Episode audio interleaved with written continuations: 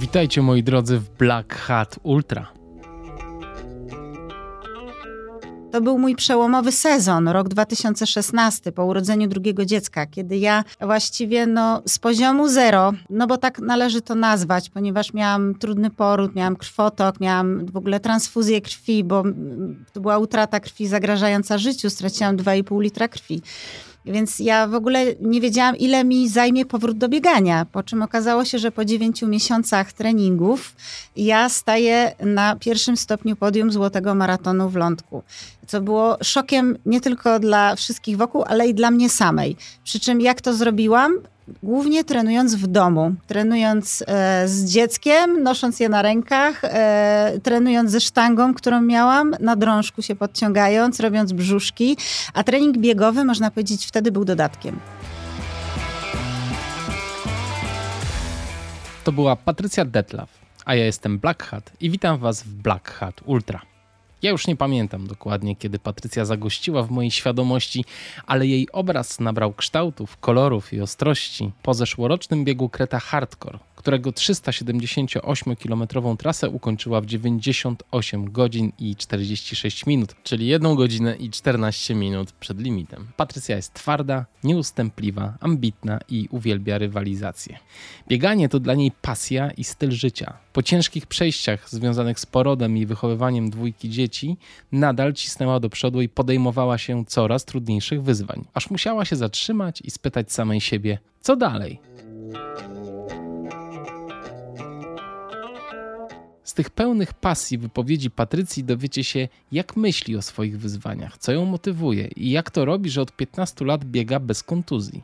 Otrzymacie również wiele wskazówek, które pomogą Wam ustawić głowę podczas Waszych tegorocznych startów.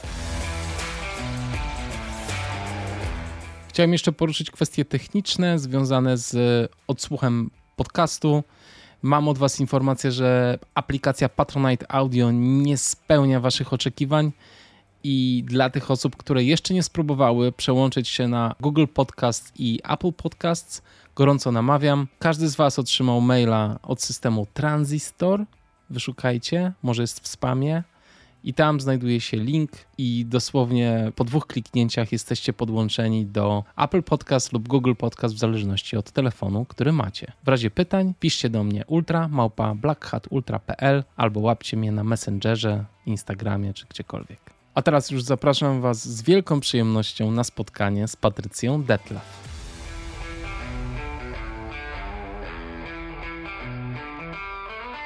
Cześć Patrycja, witam Cię. Cześć Kamil. Dziękuję, że mnie odwiedziłaś tutaj w moim małym, przytulnym studiu. Ja również dziękuję za zaproszenie, bardzo mi miło. Słuchaj, dlaczego samuraj? A to jest taka historia związana z jednym z moich startów, e, gdzie e, kolega sobie zażartował na mecie, jak e, prawie że straciłam przytomność z powodu hipoglikemii, bo nic nie jadłam po drodze biegnąc maraton krosowy że e, samuraj to i bez głowy wykona zadanie. I tak do mnie to przylgnęło w momencie, kiedy te kolejne biegi mijały. Ja zawsze, czy z głową, czy bez głowy, jakoś wykonywałam to zadanie. I mówię, a to już niech zostanie, że pani samuraj musi wykonać zadanie. Czy z tego samego obszaru myślowego pochodzi twoje podejście, że nigdy nie miałaś DNF-a jeszcze?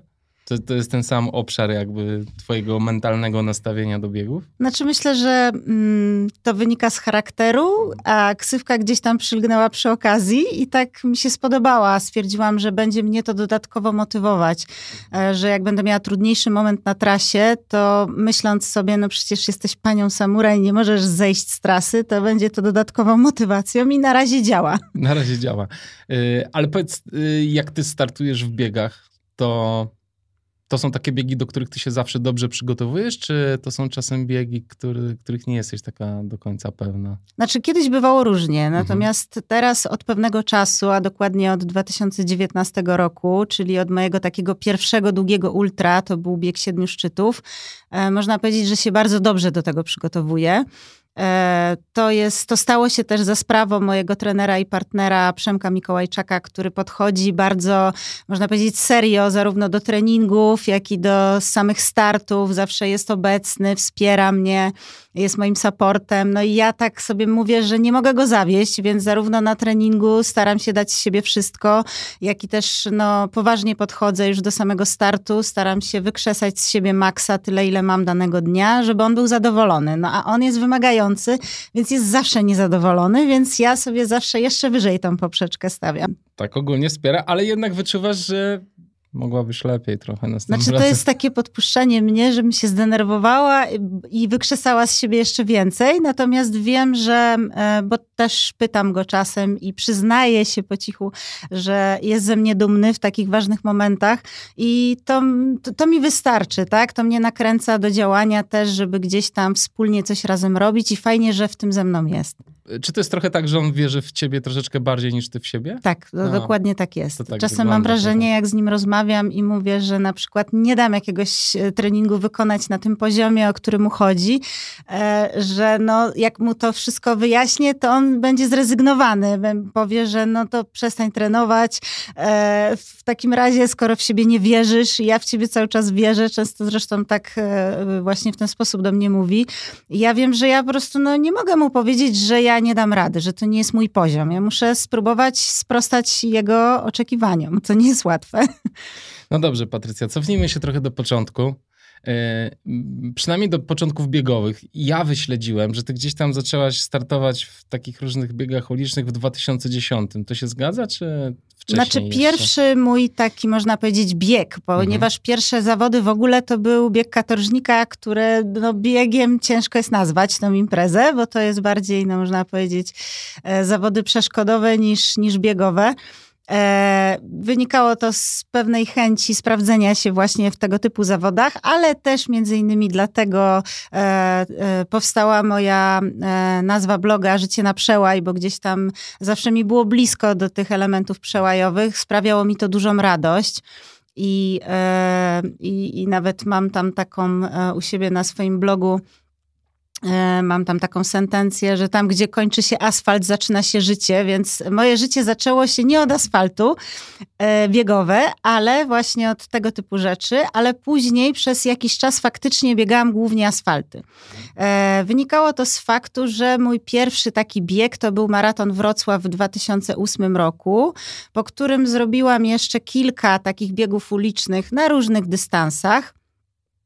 I e, gdzieś te maratony do mnie przemówiły, że jednak e, dystans dłuższy mi bardzo pasuje, taki jest to królewski dystans e, i że wymaga ode mnie troszeczkę większego przygotowania niż na przykład bieg na 5 czy 10 kilometrów, a moje predyspozycje, które są, no można powiedzieć, no przeciętne, jeżeli chodzi tutaj o wydolność, o prędkość, tak, o prędkość, tak, mhm. też no mam większą szansę tutaj zrobić dobry wynik na dystansie dłuższym, bo tutaj bardziej też te ta strona mentalna odgrywa większe znaczenie, a ja zawsze tutaj, jeśli o to chodzi, to miałam mocną głowę, jak to się mówi w ultra, w żargonie. Więc no, zawsze mi te dłuższe pasowały. I tak y, jak jeszcze nie było ultra i nie było popularne, no to wydawało mi się, że maraton to jest właśnie to, co powinnam robić. Więc spróbowałam kilku maratonów. E, w moim debiucie e, pobiegłam 4,16 we Wrocławiu, pamiętam, i byłam strasznie z siebie dumna. Jeszcze wtedy nie wiedziałam, jakie, za jakie rzeczy później się będę biegowo e, brała. I miałam różne pomysły. Nawet miałam pomysły, że, pomysły żeby robić gdzieś tam koronę maratonów, ale gdzieś po drodze przyszły biegi przełajowe i e, to wszystko e, zmieniło zupełnie mój sposób patrzenia na to, co ja bym chciała w bieganiu robić. Więc jakby odeszłam od tych biegów ulicznych w stronę biegów terenowych, też właśnie długich. Na jakim dystansie te biegi terenowe biegałaś? Zaczęłam dokładnie tak samo jak e, z ulicznymi, czyli od maratonu. E, a stało się to za sprawą mojej koleżanki, którą zresztą poznałam na tym moim pierwszym biegu katorżnika, która pochodziła z Wałbrzycha, dokładnie ze Szczawna Zdroju i ona mieszkając w górach, e, bardzo często startowała w biegach terenowych. Nie tylko były to maratony, były to różne biegi, które były lokalnie rozgrywane. I jak rozmawiałyśmy ze sobą, ona mi o tym opowiadała. No i ja e, chciałam tego spróbować. Jak mi opowiedziała pierwszy raz o maratonie gór stołowych, że to jest coś wspaniałego, że piękne skały, piękne tereny, że wysiłek zupełnie inny, że zmęczenie takie, jakiego nigdy nie przeżyła w biegu ulicznym, no to namówiła mnie. Przyjechałam, spróbowałam. I pamiętam, że e, wracając, bo pojechałam wtedy na ten e, maraton gór stołowych pociągiem i wracając, jak te góry się skończyły i zaczął się płaski horyzont, no to ja niemalże e, z chwili na chwilę popadłam w depresję. I jeszcze siedząc Wiem, w pociągu, mówisz, tak. tak, zapisałam się na maraton karkonoski, bo wtedy nie było dużo tych imprez, ale już miałam taki ciąg do tego, że to jest właśnie to, że tak fajnie mi się biegło, że to są te emocje, które ja chcę przeżywać. E, po pierwsze jest to kontakt z przyrodą, czyli takie bycie czasem sam na sam w lesie, po drugie, jest to zupełnie inny rodzaj wysiłku, faktycznie bardziej siłowy, co mi też pasuje, bo ja mam takie predyspozycje, można powiedzieć, bardziej siłowe siłowo-szybkościowe niż wydolnościowe, więc jakby tutaj w tych biegach e, terenowych, crossowych to zawsze było, dodawało mi troszeczkę e, więcej pewności siebie.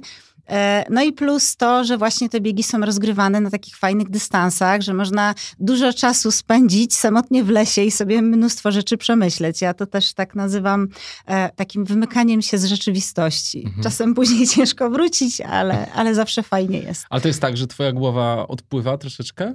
Znaczy lubię ten stan. Mhm. Teraz e, właśnie to, o czym rozmawialiśmy przed chwilą, czyli wejście w taki bardziej trening, reżim, e, czasem zmusza mnie do takiej kontroli, żeby była jednak mimo wszystko uważność, jak biegnę, żeby było myślenie o tym, jakie mam cele i zadania, ale lubię ten moment, kiedy bieg się układa albo trening się układa i ja nie muszę myśleć o tym, jakie jest moje zadanie, tylko mogę sobie tak odpłynąć i ta noga idzie i wszystko jest jakby... I czas się zgadza tak, i wszystko jest tak, okay. tak, i wszystko jest ok, i jest fajnie. I później ciężko się wraca z takiego biegu czy treningu do rzeczywistości. Mm -hmm. Czyli wchodzisz w takie flow troszeczkę. Tak, dokładnie. Ten element flow bardzo mi się podoba i gdzieś tam to jest. Y, to jest element e, mojej pasji, którą e, no, cały czas gdzieś tam, ona mnie nakręca, tak? Można powiedzieć, że wiele rzeczy w moim życiu się zmieniło przez te wszystkie lata, które biegam, a gdzieś tam no, to bieganie cały czas jest. Mhm. Powiedz mi jeszcze, skąd pochodzisz? To jest tak, że jestem w ogóle tutaj teraz człowiekiem świata, można no powiedzieć, bo tak, urodziłam się w Częstochowie. Jeszcze muszę powiedzieć, bo to jest ciekawe, o moich rodzicach. Moi rodzice są cyrkowcami znaczy byli, jak byli młodzi i ja byłam dzieckiem, byłam takim dzieckiem cyrku, można powiedzieć, prowadziłam cygańskie życie, dużo z rodzicami jeździłam po świecie. Między innymi też dlatego kręci mnie ten element ultra, taki można powiedzieć, e, ten element włóczęgostwa, podróży, tak, tak, element podróży. W ogóle ultra jest dla, dla mnie taką podróżą, z którą ja jestem obeznana od dziecka. Strasznie mi się to w tym podoba i kojarzy z dzieciństwem. I też jakby przez to, że moi rodzice byli cyrkowcami, ja zawsze miałam ciągoty do sportu, bo moi rodzice byli akrobatami, więc e, gdzieś tam zawsze dziecko chcąc dorównać rodzicom, czy też e, zyskać ich aprobatę, próbuje różnych rzeczy, które rodzice umieją i lubią, więc ja zawsze próbowałam tych wszystkich sztuczek cyrkowych, które moi rodzice na arenie pokazywali. To, to co mogłam, to co umiałam. No i Ale później... ty nie występowałaś? Nie, ja nie występowałam. Mhm. Moi, moim rodzicom bardzo zależało, żebym ja e, skończyła szkołę, zdobyła wykształcenie, więc... No właśnie, udawało ci się jakoś uczyć w trakcie tak, tych więc, podróży? więc wyglądało to tak, że dopóki byłam małym dzieckiem, to jeździłam z rodzicami. Jak e, poszłam do szkoły, to były pierwsze te lata, takie edukacja wczesnoszkolna, to pamiętam, jeździłam jeszcze z rodzicami, to już były tylko polskie cyrki wtedy. E, miałam taki zeszyt, w którym w każdej szkole, w której byłam, miałam pieczątkę, jakie miałam przedmioty, jakie oceny otrzymałam i tak często co tydzień się zmieniała ta szkoła, ale to był straszny szok dla tak małego dziecka i zamieszanie, no i nie byłam w stanie się niczego w ten sposób nauczyć. E, w związku z tym no, rodzice podjęli decyzję, że będę zostawać z babcią na ten czas edukacji, a jeździłam do rodziców na wakacje, co też często oznaczało podróże zagraniczne, jak rodzice byli gdzieś na przykład w Szwajcarii, gdzie też piękne góry, e, pamiętam, wspominam. W związku z tym no, miałam ciekawe dzieciństwo. I rodzice, tak, zaszczepili mi ten element po pierwsze e, sportu, po drugie też przygody, podróży, takiego aktywnego stylu życia, trochę ciągle na walizkach, ale ja to lubię. Mi to do dzisiaj zostało, dlatego na przykład e, spotykamy się tutaj w Warszawie. E, mieszkam w Nowej Wicznej trochę, a trochę mieszkam w Wałbrzychu, bo tam mieszka mój partner. E, z Wrocławiem byłam związana, bo właśnie z Częstochowy wyjechałam na studia i tam studiowałam i mieszkałam przez 8 lat. a więc jest to też bardzo bliskie mi miasto, gdzie miałam wielu znajomych, przyjaciół. Później wyjechałam tutaj, jak wyszłam za mąż i założyłam tutaj rodzinę, więc no, w moim życiu jest mnóstwo e, takich zwrotów akcji, można mhm. powiedzieć, I, i ja też jakby nie zamykam się, jestem, można powiedzieć, takim człowiekiem otwartym na to, na podróże, na e, bycie ciągle na walizkach i lubię to po prostu.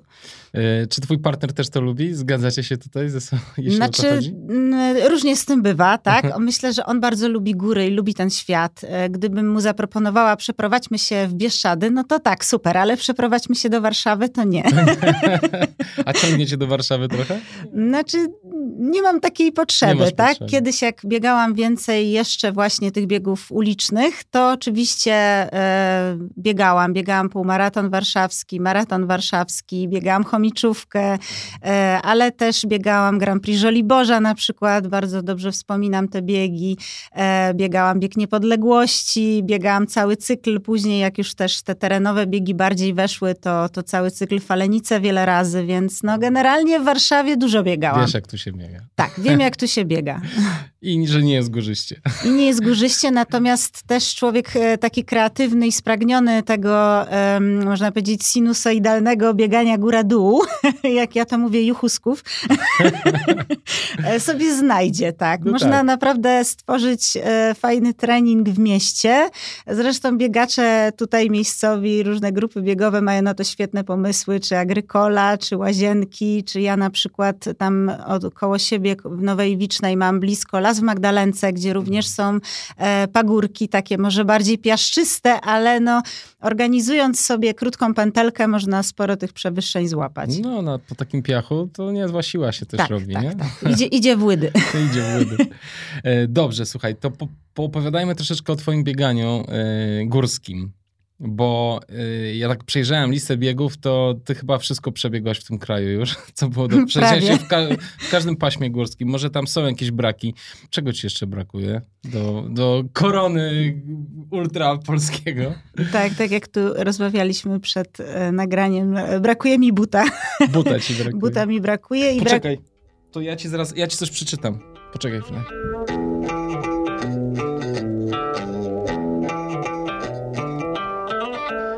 Żaden z Was nie będzie znał dystansu, a każdy następny etap będziecie poznawać po drodze. Na starcie poznacie pierwszy cel, po dotarciu tam następny i następny, aż powiemy, że następne to wreszcie meta. Poruszacie się tylko po szlakach turystycznych, tradycyjnie w formule self-supported, czyli polegacie na sobie, schroniskach i sklepach. Zaczynacie jak zwykle w środę wieczorem, a kiedy skończycie, to już zależy od Was. I co myślisz o takim opisie? Smakowity, prawda? Enigmatyczny. Natomiast, żeby mi ktoś obiecał chociaż, że to jest ultra. Słuchaj, to jest ultra, to jest przepis na nowy Boot Challenge, Aha. E, który będzie w tym roku. Jeszcze nikt nie wie kiedy, ale na szczęście Boot Challenge wraca i kto wie, może z tobą na pokładzie, słuchaj. No właśnie, pomysł był kiedyś taki, żeby zrobić tego Buta Challenge, jak mhm. jeszcze to było. E, później właśnie poszłam e, w stronę Kreta, więc jakby w innym kierunku, ale cieszę się, że tego Kreta e, zrobiłam, bo to była, jak to wciąż powtarzam, przygoda życia i ciężko będzie czymś to przebić. Faktycznie mam teraz taki troszkę i dylemat, i, i troszkę taką konsternację w ogóle, co ja mam dalej robić, bo e, no, ten sezon ostatni był naprawdę wyjątkowy, jeśli chodzi zarówno o moje osiągnięcia, jak i o rzeczy, które zrobiłam do tej pory biegowo mm, pod kątem no, ilości przebiegniętych kilometrów, bo to było i tysiąc kilometrów wybieganych w startach w sezonie, co mi o. dało złotą klamrę Ultra Challenge. I, I też no, postawiłam sobie za cel to tak ambitnie, no bo stwierdziłam, że no tak, no, biegać dużo mm, no można, tak, nie jest to jakieś wielkie wyzwanie, to co by tutaj można było zrobić, żeby to było jednak trudne do wykonania, więc postawiłam sobie za cel e, zrobić tę tysiąc kilometrów jak najmniejszą ilością startów. I zrobiłam to w pięciu startach. Na biegach, e, które miały albo duże przewyższenia, albo były w ogóle bardzo długie. To był właśnie najpierw bieg Kreta Hardcora, to był bieg Rzeźnika Ultra, bieg Siedmiu Szczytów, Chojnik, Ultra Chojnik, setka oraz e, Ultra Kotlina 180. No i celem było też stawać na podium w Open Kobiet i to też mi się udało trzy razy, z czego się bardzo cieszę, że, że gdzieś tam to dopięłam. No i ten moment, kiedy odebrałam tą klamrę, no i co teraz? E, I cały czas Super. jestem przy tym punkcie. Znaczy mam no tak. pewne pomysły, moje, można powiedzieć, e, moje plany na ten sezon są otwarte, mhm. więc nie mogę powiedzieć, że Boot Challenge nie, Jasne. ale jeszcze nie podjęłam decyzji. Ale powiedz, czy twoje plany to są starty polskie, czy, czy jednak spojrzysz gdzieś za granicę? Znaczy ja ze względów logistycznych wybieram często Polskę, bo mhm. jest to dla mnie wygodne z racji tego też, że mam małe dzieci, że tutaj no, jest mi trudno wyjechać gdzieś na dłuższy czas, ale też jest mi trudno się przygotować do startów zagranicznych, tak jakbym chciała, bo zdarzyło mi się, nie powiem, że nie, brać udział w całym wydarzeniu UTMB. To był bieg CCC w 2014 roku. Natomiast ja byłam wtedy zupełnie inną osobą, w zupełnie innym miejscu. Byłam nieopierzonym ultrasem i to było takie zderzenie zarówno z dystansem, jak i z ogromem tej imprezy. E, kompletnie się nie spodziewałam tego, co mnie tam czeka. I no, dostałam taki łomot, że później przez kilka kolejnych lat nie pobiegłam żadnego ultra. Ojejku, do tego stopnia? tak, tak. Znaczy stwierdziłam, że owszem, jest to super e, wystartować w takiej imprezie jak UTMB, ale nie chciałabym startować e, po pierwsze z marszu, po drugie gdzieś tam na wariata, a tak to troszeczkę było, czyli wyjazd e, tuż przed startem, bo nie wiedziałam, jak to będzie istotne się zaaklimatyzować i że ja mm, mogę mieć na takich wysokościach jak 2,5-3 tysiące metrów już problemy tutaj jakieś takie aklimatyzacyjne w stylu choroby wysokościowej, że zawroty głowy, nudności, a takie coś mi się właśnie przytrafiło w trakcie biegu e, że ta aklimatyzacja będzie ważna, to po pierwsze nie pomyślałam, że muszę być wcześniej. Po drugie, że to był wyjazd pod namiot, że ja się tam ani nie wyspałam, e, ani też później po biegu, czy, czy właśnie wykąpać się, czy cokolwiek. No to nie, to nie był taki wyjazd, jaki ja bym chciała, żeby on mm, e, no, przyniósł mi e, satysfakcję, satysfakcję tak, mhm. z tego, więc stwierdziłam, że w ten sposób nie chcę. Jeżeli kiedyś, na pewno e, myślę, że ben, to się zdarzy, tak, że jeszcze wystartuję w jakiejś dużej zagranicznej imprezie, e, mi się takie coś przytrafi, a, a też jest parę imprez, które gdzieś tam no, kuszą, tak, Lavaredo, czy chociażby Gran Canaria, E, no to są fajne, fajne biegi e, z pięknymi też terenami, które chciałabym zobaczyć. Madera. Madera właśnie, tak, tak. Natomiast chciałabym, żeby to było nie tylko przygotowane od strony e, fizycznej, sprawnościowej, ale też właśnie takiej logistycznej, żeby to nie było na wariata, żeby nie było stać na to, żeby gdzieś tam wcześniej sobie przyjechać, pobiegać po tych górach, e, wyspać odpocząć. się przed startem, odpocząć właśnie, żeby później e, ta, to zadowolenie z tego, co tam przeżyje, było takie pełne, a nie powiedzmy no, częściowe. Podziwiam tych naszych ultrasów, którzy jeżdżą za granicę i osiągają tam naprawdę wysokie wyniki, e, ponieważ nie jest to łatwe. Nie jest to łatwe nawet dla osób, które biegają na wysokim poziomie, gdyż, no, tak jak wcześniej rozmawialiśmy, jest różnica e, związana z bieganiem na przykład w Alpach, a bieganiem chociażby po Beskidach. Jest to zupełnie inny teren. Trzeba, trzeba tam pobiegać, trzeba się zaaklimatyzować. Najlepiej zrobić sobie obóz treningowy w docelowym miejscu. Więc no, mam wielki szacunek do ludzi, którzy, którzy to robią, którzy którzy się na przykład przygotowują cały sezon tylko pod start WTMB, bo to wymaga dużego poświęcenia, nakładów finansowych i też takiego zorganizowania sobie życia, żeby to się udało. Z tego też względu jakby, że u mnie to bieganie jest w tym momencie taką pasją, którą wplatam w życie.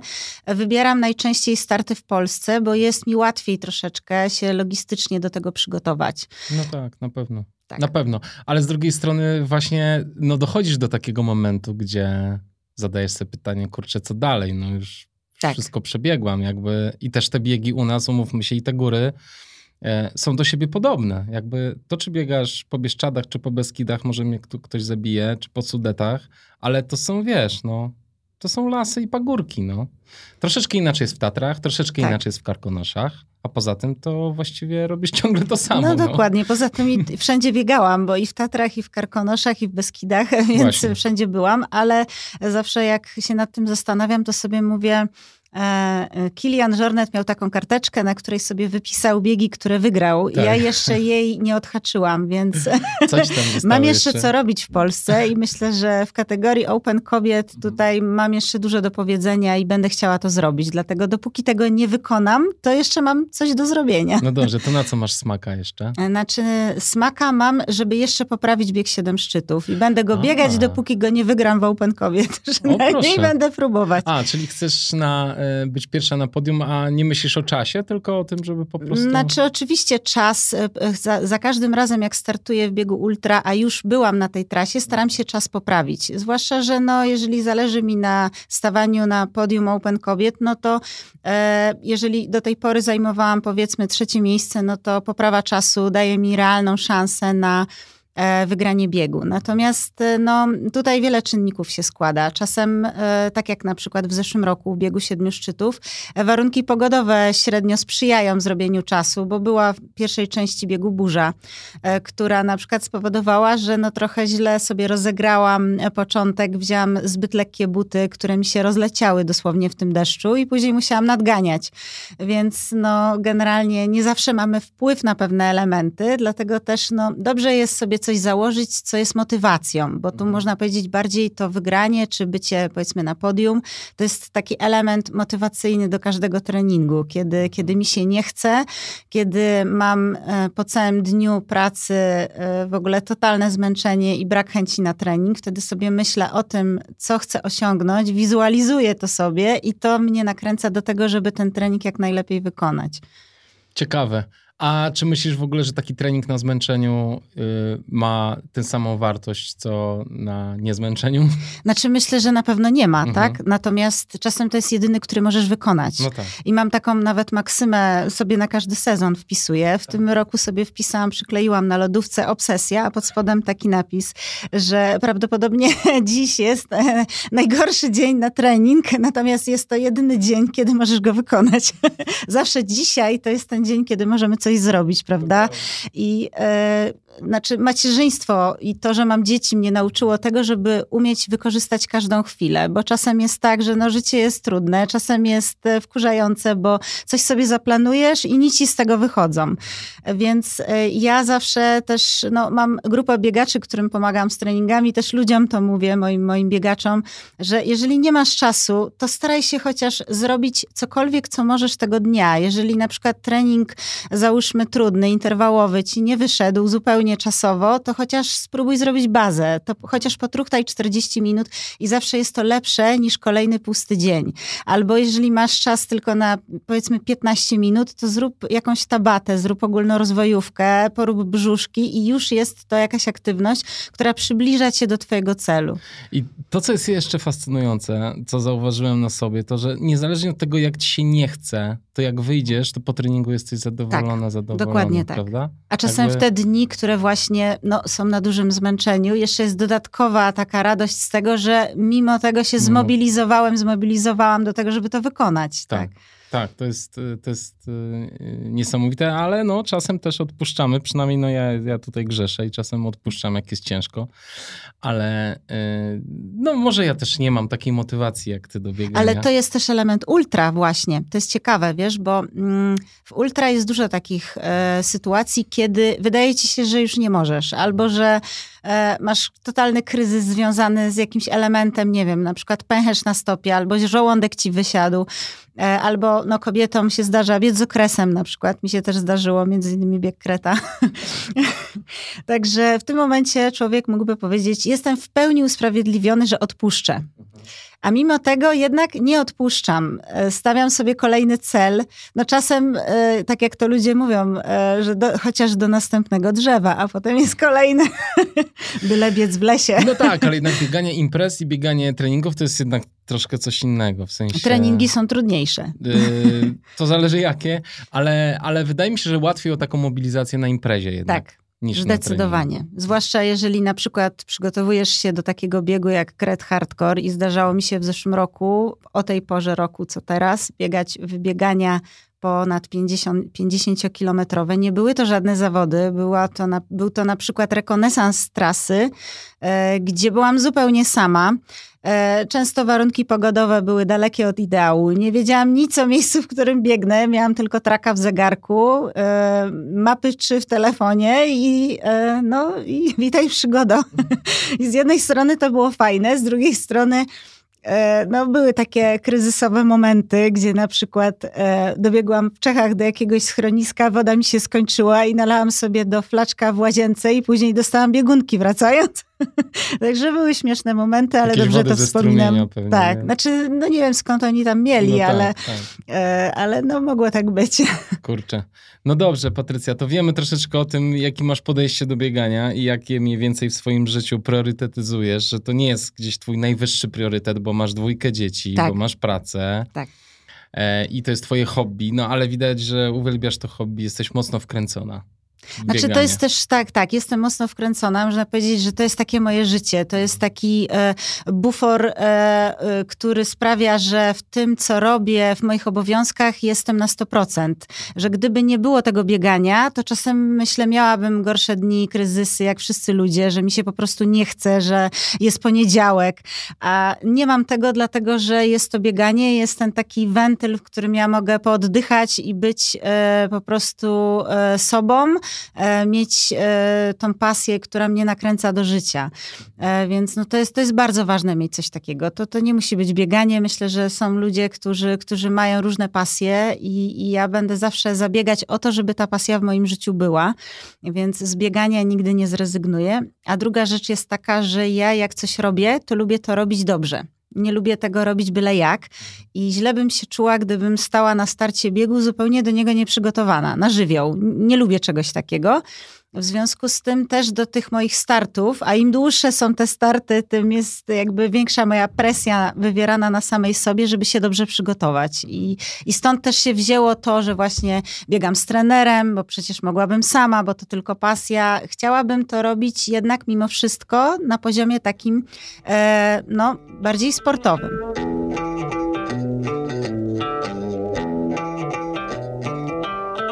Biegasz z trenerem, i sama jesteś trenerką. Tak. I e, opowiedz troszeczkę, jak ty się przygotowujesz do swoich startów. Ja podejrzewam, że na przestrzeni tych mm, od 2012, 8 e, roku, przepraszam, tak, powiedziałaś. Tak, tak. To już prawie 15 lat, kiedy biegasz.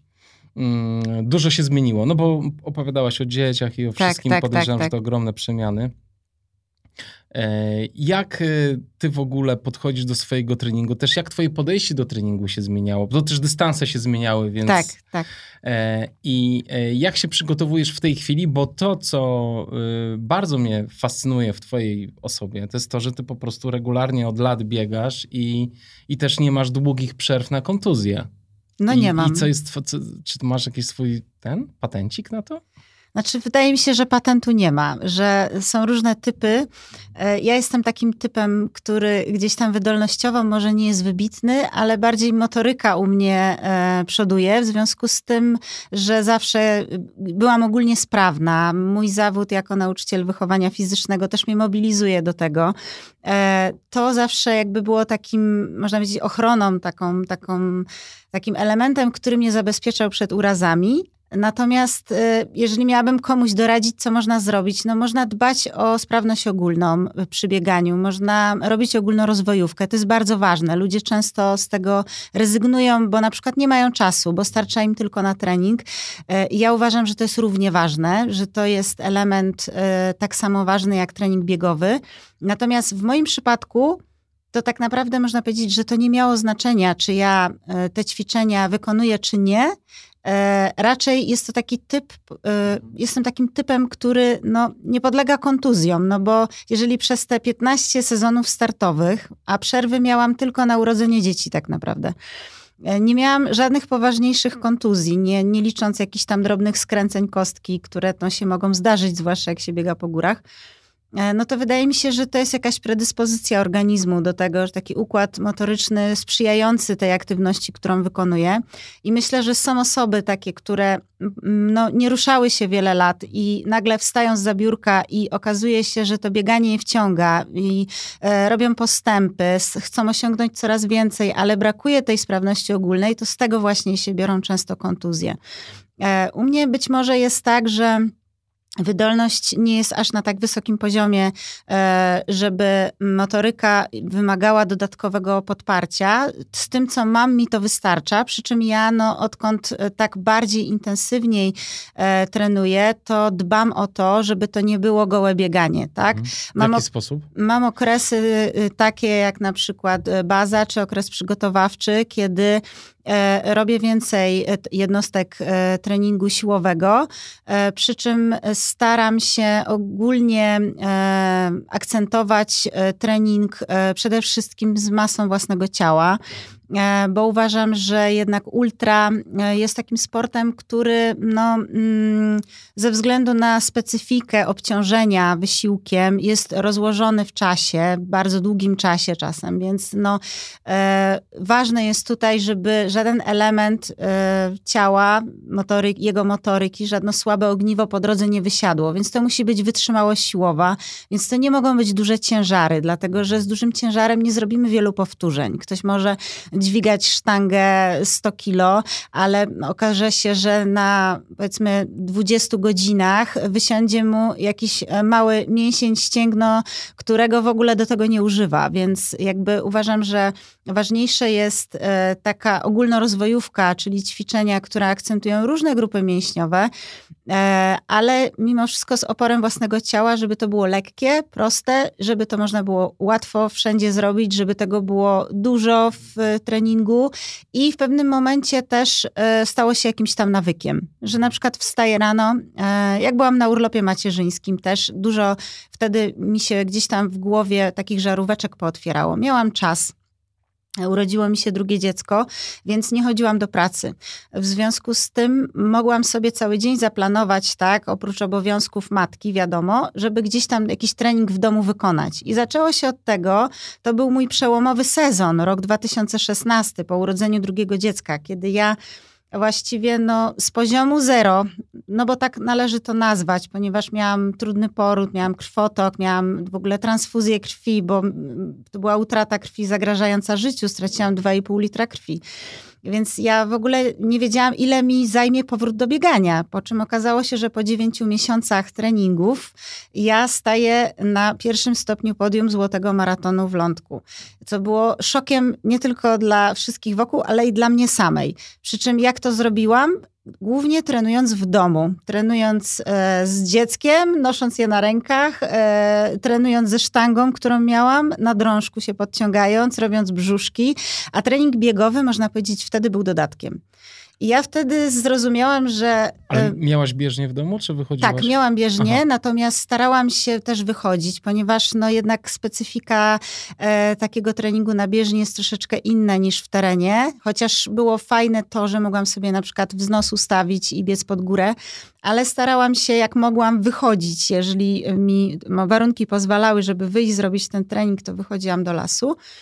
E, natomiast podstawą wtedy treningu była ogólnorozwojówka. I to mi otworzyło oczy, że być może jest to moje mocne ogniwo, bo ja zawsze się w tym dobrze czułam. E, I trenując wcześniej cały czas swoje słabe ogniwa, cały czas tą wytrzymałość szybkościową, której nigdy nie miałam, bo zaczęłam biegać przez nieudany test Coopera na studiach i e, z racji tego, że musiałam się do niego przygotować, żeby go powtórnie zaliczyć, zaczęłam biegać. I... Czekaj, czekaj, co to znaczy nie... Kazali ci... To jest ciekawy wątek.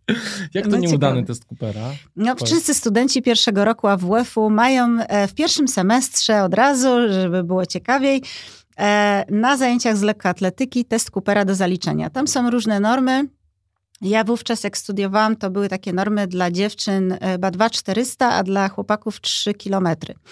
E, I ja wtedy nie biegałam, to był 2002 rok bodajże. E, I nie miałam pojęcia w ogóle, jak się do tego przygotować, więc postanowiłam najpierw spróbować z marszu to zaliczyć. Przy czym no, znajomi powiedzieli: A nie przejmuj się, truchtasz i dobiegniesz, bo tam normy nie są jakieś wygórowane, po prostu biegnij cały czas i zaliczysz ten test.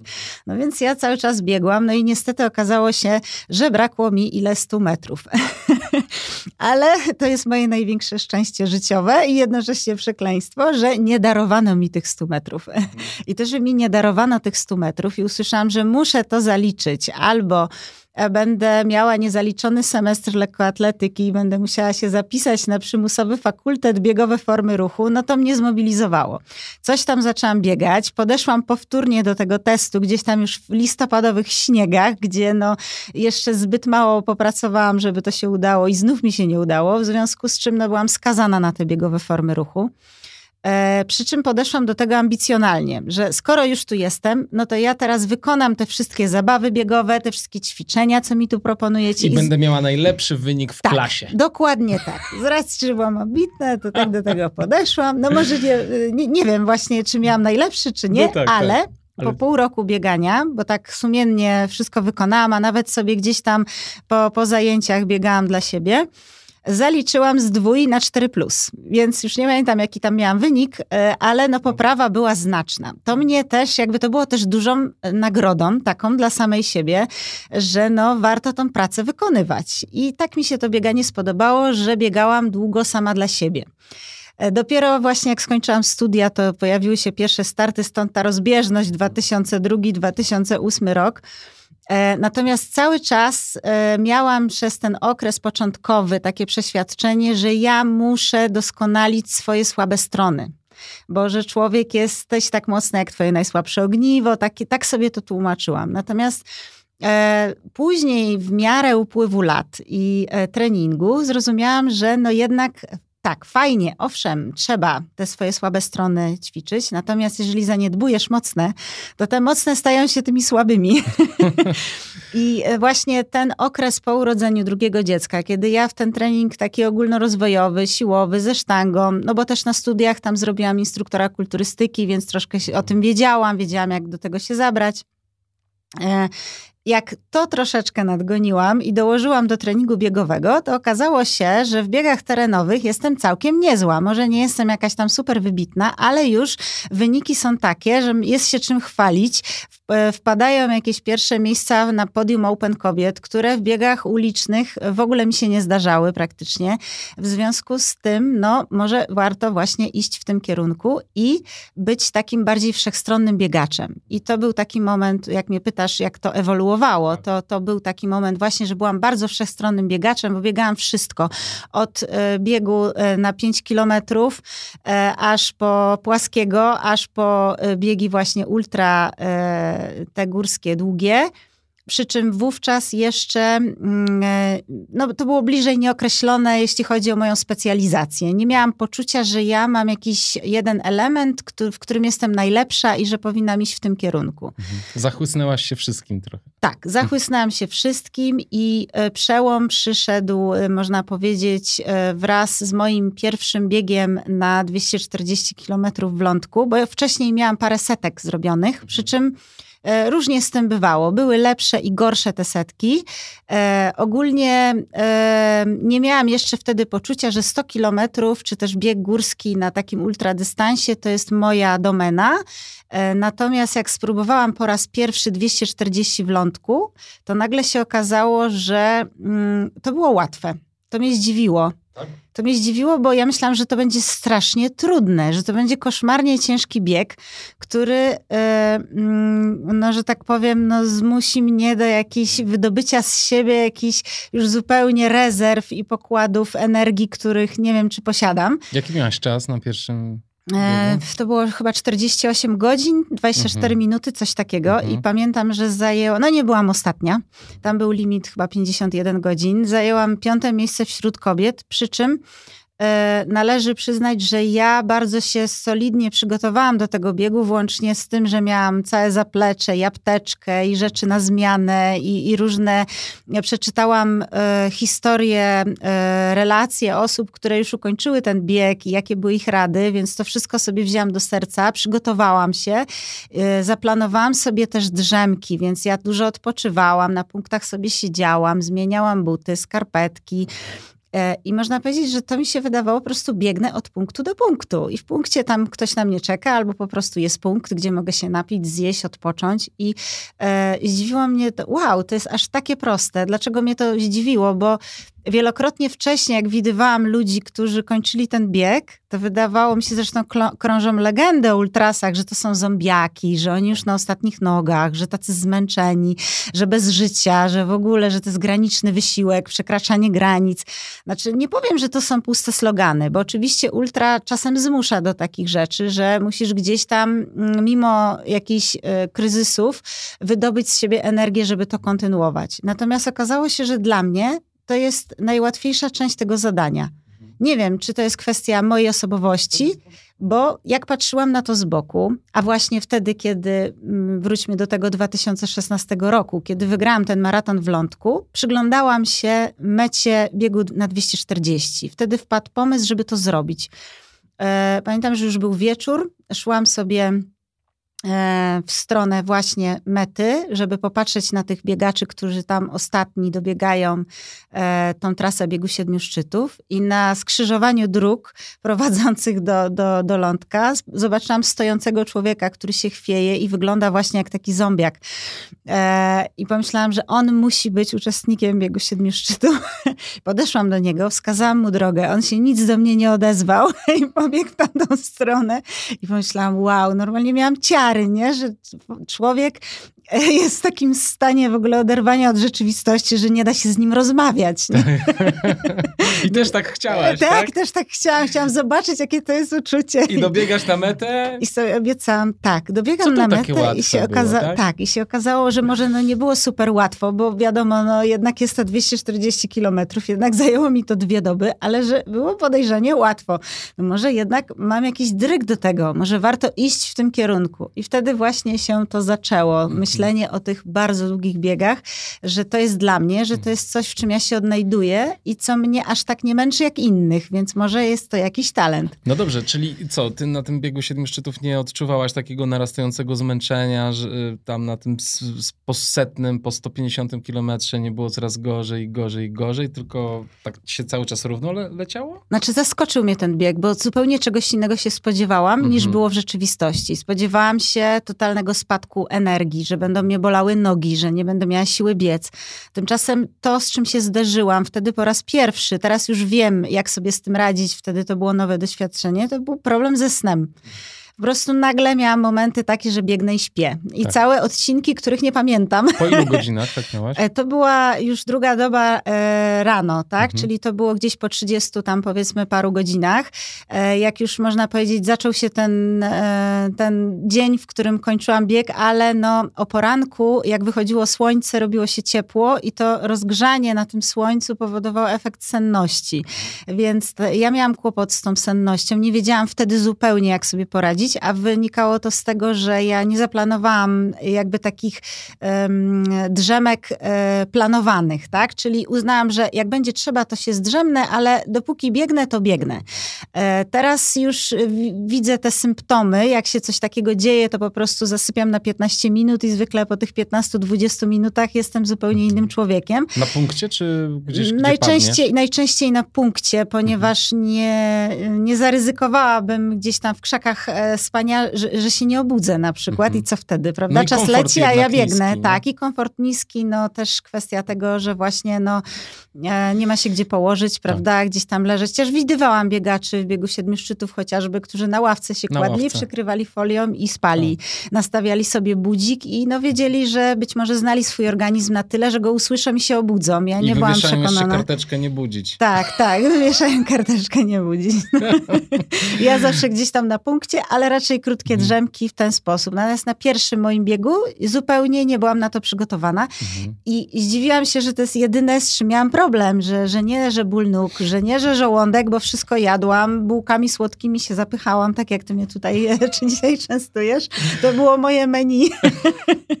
no bułki słodkie, tak. E, czy nie miałaś problemu z jedzeniem, z Tak, piciem, ze stopami też nie. Stopami Przeczytałam też nie. sobie w relacji Ani Witkowskiej, mhm. która wtedy była rekordzistką trasy, jak ona sobie radziła ze stopami stopami, że tam odbarczała te pęcherze, zaklejała plastrem takim bez opatrunku na, na sztywno, żeby to przylegało mocno ten bandaż do, do skóry i się wtedy ten pęcherz nie robi ponownie w tym samym miejscu. Ja ten patent sobie od Ani przejęłam i bardzo świetnie mi się wtedy sprawdził.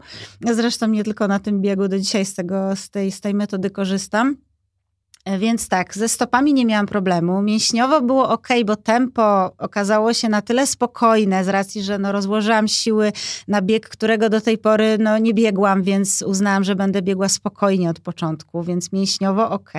I jakoś e, kontrolowałaś tempo albo tętno, czy Znaczy prostu... wtedy jeszcze nie, nie, wtedy jeszcze nie, natomiast gdzieś tam rozpisałam sobie e, tabelę tych międzyczasów i limitów, żeby się mieścić po prostu, żeby mieć ten komfort, że nie biegnę gdzieś tam na limit. E, I, I cały czas kontrolowałam to razem z moim supportem, właśnie z Przemkiem, który wtedy po raz pierwszy e, mi pomagał. E, ja go poprosiłam o pomoc i on się zgłosił i tak się zaczęła nasza zabawa w ultra. E, I, e, I kontrolowaliśmy to i cały czas się mieściłam. W związku z tym no, uznałam, że e, tutaj no, mogę następne biegi rozgrywać bardziej ambitnie. I od tego się zaczęło, że teraz już na przykład sobie ustawiam strategię w zegarku na określony wynik, która o dziwo w tym roku pomogła mi poprawić ten czas właśnie z mojego biegu, pierwszego biegu siedmiu szczytów o trzy godziny. Wow. Bieg ze strategią. W jaki sposób sobie ustawiasz strategię w zegarku? Wiesz co, wchodzisz w Garminie, w, tam, Garminie, tak, no. tak. Jak sobie tam e, wgrasz tą trasę, tak, e, jako traka, to masz tam opcję ustawienia strategii. Ustawiasz sobie na określony czas, który chcesz osiągnąć, czyli na przykład na pobicie swojej życiówki na tej trasie, albo no jak jej nie biegłeś jeszcze, no to jakieś szacowane swoje tempo, tak? I wtedy pod to tempo program sam to wylicza. Jaki, wiadomo, że tam jest e, pewien ekwiwalent e, za to, że na początku jest troszeczkę łatwiej, a później trudniej, że na podbiegach będziesz tracić. Czyli on to bierze pod uwagę. On to bierze wszystko. pod uwagę, przy czym mm, na początku zwykle jest tak, wydaje się, wydaje się dużo łatwiej niż jest w rzeczywistości, bo na początku, żeby się trzymać tych założeń, zwykle masz duży zapas jeszcze, tak? Trzeba uważać, żeby właśnie nie przekroczyć, nie nadgonić za mocno i, i nie, nie, za, nie poszarżować, bo potem się to mści na końcówce, gdzie człowiek nagle się okazuje, że no przecież mam strategię, wystarczy tylko biec tym tempem, ale biegnij po 200 kilometrach tempem 7 minut, nie? To no już tak. nie jest to samo, nie? Tak. E, I co, on ci cały czas wyświetla, że na przykład biegniesz w dobrym tempie albo ustalasz, w złym, Tak, czy, ustalasz czy sobie. Us, tak, ustalasz sobie na odcinki. Mhm. Już nie pamiętam, jak miałam teraz ostatnio, czy to było 1500 mm, metrów, czy kilometr, ale co taki dystans mniej więcej, wyświetlał mi się komunikat, ile jestem do przodu bądź do tyłu od założonego czasu. Więc ja wiedziałam, ale bardziej nie przeliczałam tego w głowie, no bo na zmęczeniu, wiadomo, po 30 godzinach trudno myśleć, jak mam minus 2,35, to, to gdzie ja jestem, to jaki będę mieć wynik. Bardziej sobie zapamiętywałam, jaki był ostatnio i na przykład czy tracę, czy zyskuję. Więc wiedziałam, jeżeli na przykład ten czas się e, kurczył, że tracę i muszę się zmobilizować, żeby troszeczkę nadgonić, a w momencie, kiedy miałam duży zapas, to starałam się pilnować, żeby nie przyspieszać za mocno, bo być może właśnie nie czuję tego, ale no, przyspieszam na tyle, że nie utrzymam tego tempa. Potem po odpoczynku masz jakiś okres, że że jest gorzej, minusie. tak, że jest mhm. gorzej, a, a później doganiasz i jest znowu szybciej, tak? Mhm, Więc mhm. no... Fajnie. Średnie... I to ci pomogło trzy godziny szybciej, powiedz? Tak, znaczy też no, od 2019 roku myślę, że jestem lepsza. troszkę lepsza. Troszkę bardziej weszłam właśnie w te dłuższe nie? ultra, bo y, uznałam, że to jest mój świat i to chcę robić. To jest fajne i mało kobiet jest w tym, więc ja pójdę w tym kierunku. Zobaczymy, co to przyniesie. Na pewno jest to wielka przygoda. E, I e, no, po drodze, mówię, pojawiły się takie wyzwania jak bieg Kreta. Więc już pobiegnięcie tych, tego biegu siedmiu szczytów po biegu Kreta wydawało się łatwe. Aczkolwiek zrobienie takich dwóch rzeczy w jednym sezonie nie jest łatwe. Nie jest łatwe dlatego, że regeneracja i powrót do e, szybszego biegania po Krecie troszeczkę mi zajęło. Jeszcze ten bieg rzeźnika ultra to jeszcze nie było to. To był półtora miesiąca odstępu bodajże ja czułam na końcówce zmęczenie, czyli czułam, że no, mm, nie mam mocy, żeby gdzieś tam na płaskich odcinkach przycisnąć. E, to troszeczkę jest no, taka cena, którą trzeba zapłacić za te bardzo długie biegi, tak? Że mhm. no jednak regeneracja. Sezonie, nie? No jeden, dwa, no, nie oszukujmy się, te osoby, które biegają tego więcej, można, ale to już tempo drastycznie spada, tak? Żeby biegać to na wysokim poziomie, czy też na poziomie swoich najlepszych możliwości, to nie można tego dużo robić, bo to się mści. Jeżeli nawet tak jak ja, ktoś nie ma e, problemów takich, że go łapią kontuzję, no bo mi po krecie nic nie było.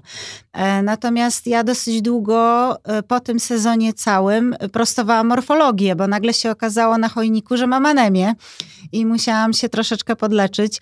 Przy czym no, też może to wynikało z tego, że wcześniej jakby nie robiłam badań i bezpośrednio po krecie i nie wiedziałam, że gdzieś tam to żelazo troszeczkę spadło i biegałam kolejne biegi i wyniszczyłam organizm i później musiałam tą morfologię odbudować, więc... W jaki sposób to robiłaś?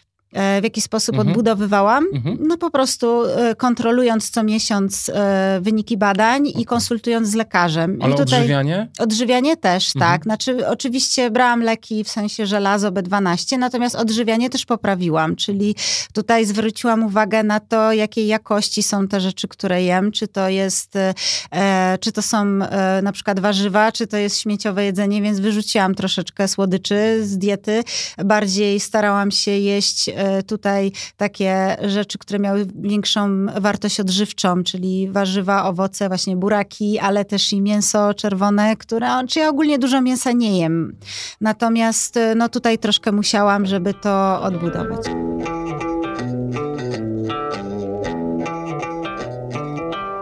To sporą drogę już przeszłaś. No, ultra. No, spora droga. Ale tak czuję, że ty się dopiero rozkręcasz. Znaczy, ja nie czuję się zmęczona, tak? To jest najważniejsze. tak, to jest najważniejsze. Nie mam kontuzji, nie czuję się zmęczona. Wszystko mogę, nic nie muszę. tak jak mówisz, wszystko już zrobiłam. wszystko już zrobiłam, więc teraz już muszę tylko Można poprawiać. mi składać różne dziwne propozycje, jak mi przeczytałeś. no tak, no właśnie. Słuchaj, e, a co myślisz o takich startach typu, wiesz, GSB albo w ogóle jakieś własne projekty? No właśnie, też miałam do tego nawiązać, że e, z jednej strony to jest fajne i mm. nawet rozmawiałam z organizatorami Kreta, czy by czegoś takiego nie zrobili, na przykład główny szlak sudecki, przy czym oni mówią, że już ich tak absorbuje ten Kret, że jednak e, na razie na tą chwilę się w takie rzeczy nie bawią. Szkoda. Dlaczego? Dlatego, że ja lubię rywalizację i z jednej strony to jest super właśnie, jak ktoś w takim projekcie gdzieś tam próbuje, czy pobić rekord trasy kobiet, mężczyzn, czy po prostu dla samego siebie to ukończyć, bo też znam takie osoby, które po prostu na ukończenie chcą zrobić, sprawdzić się, czy dadzą radę. E, myślę, że bym dała radę, natomiast nie jest już to takie fajne. W momencie, kiedy jest ktoś, kogo gonisz, przed kim uciekasz, to zupełnie nabiera to inny wymiar e, wysiłku, inny wymiar ta rywalizacja. Mi na przykład szalenie pomogło w Krecie to, że gdzieś tam na końcówce e, z, mm, z Kamilem Dwornickim biegliśmy, czy mijaliśmy się, bo tak to może wyglądało na trakach, na tak, że... No i te traki to szalały. To. Tak, tak, że, że jesteśmy obok siebie, siebie, ale mhm. często było tak, że e, po prostu e, mijaliśmy się, on biegł gdzieś tam do przodu, ja go był parę minut przede mną czy za mną, ja go w ogóle nie widziałam, albo mijaliśmy się gdzieś tam na punktach. Natomiast sama świadomość, że jest ktoś przed tobą i e, możesz tą osobę dogonić, albo że przed nią uciekasz, to już na takim skrajnym zmęczeniu jest jakimś tam levelem, który, do którego starasz się dążyć, nie? W momencie, gdybym, nie wiem, jakby to było, gdy gdybym powiedzmy po tych 300 kilometrach została tam zupełnie sama i musiała y, no, próbować utrzymać ten, y, to tempo, żeby się zmieścić w tych 100 godzinach, bo może się wydawać, że jest to tempo zupełnie spacerowe, jednak no, mi tam zostało godzinę 15 do limitu, a miałam w okolicach 15 minut tempo, biorąc pod uwagę wszystkie drzemki, a ja na Krecie spałam ponad 5 godzin. Więc e, no, jak to się wszystko sumuje, doda się to, że mm, trasa idzie po szlakach turystycznych, więc tam nikt nie chodzi z tasiemkami, ich nie, nie zaznacza, więc często prowadzi przez jakieś krzaczory, zwalone drzewa, e, bo no, jest to zupełnie dziki teren. E, plus to, że warunki w kwietniu w górach są zimowe i śnieżka i śnieżnik są no, w zupełnie zimowych warunkach, często odmiennych od tego, jak jest inaczej. No nie jest to łatwy bieg, nie jest to łatwe wyzwanie, żeby się do tego przygotować i oszacować swoje tempo czy swoje możliwości. Myślę z tego względu też, że w tym roku mogą być zupełnie inne wyniki niż były w zeszłym roku, odbiegające dużo e, od poprzednich e, rekordów czy, czy, czy międzyczasów, bo mówię, no warunki tutaj, pogoda na, na trasie dużo dyktują, tak, zawodnikom, plus to, że no większość z tych ludzi nigdy tego nie robiła, więc mhm. oni sami nie wiedzą, na co się piszą.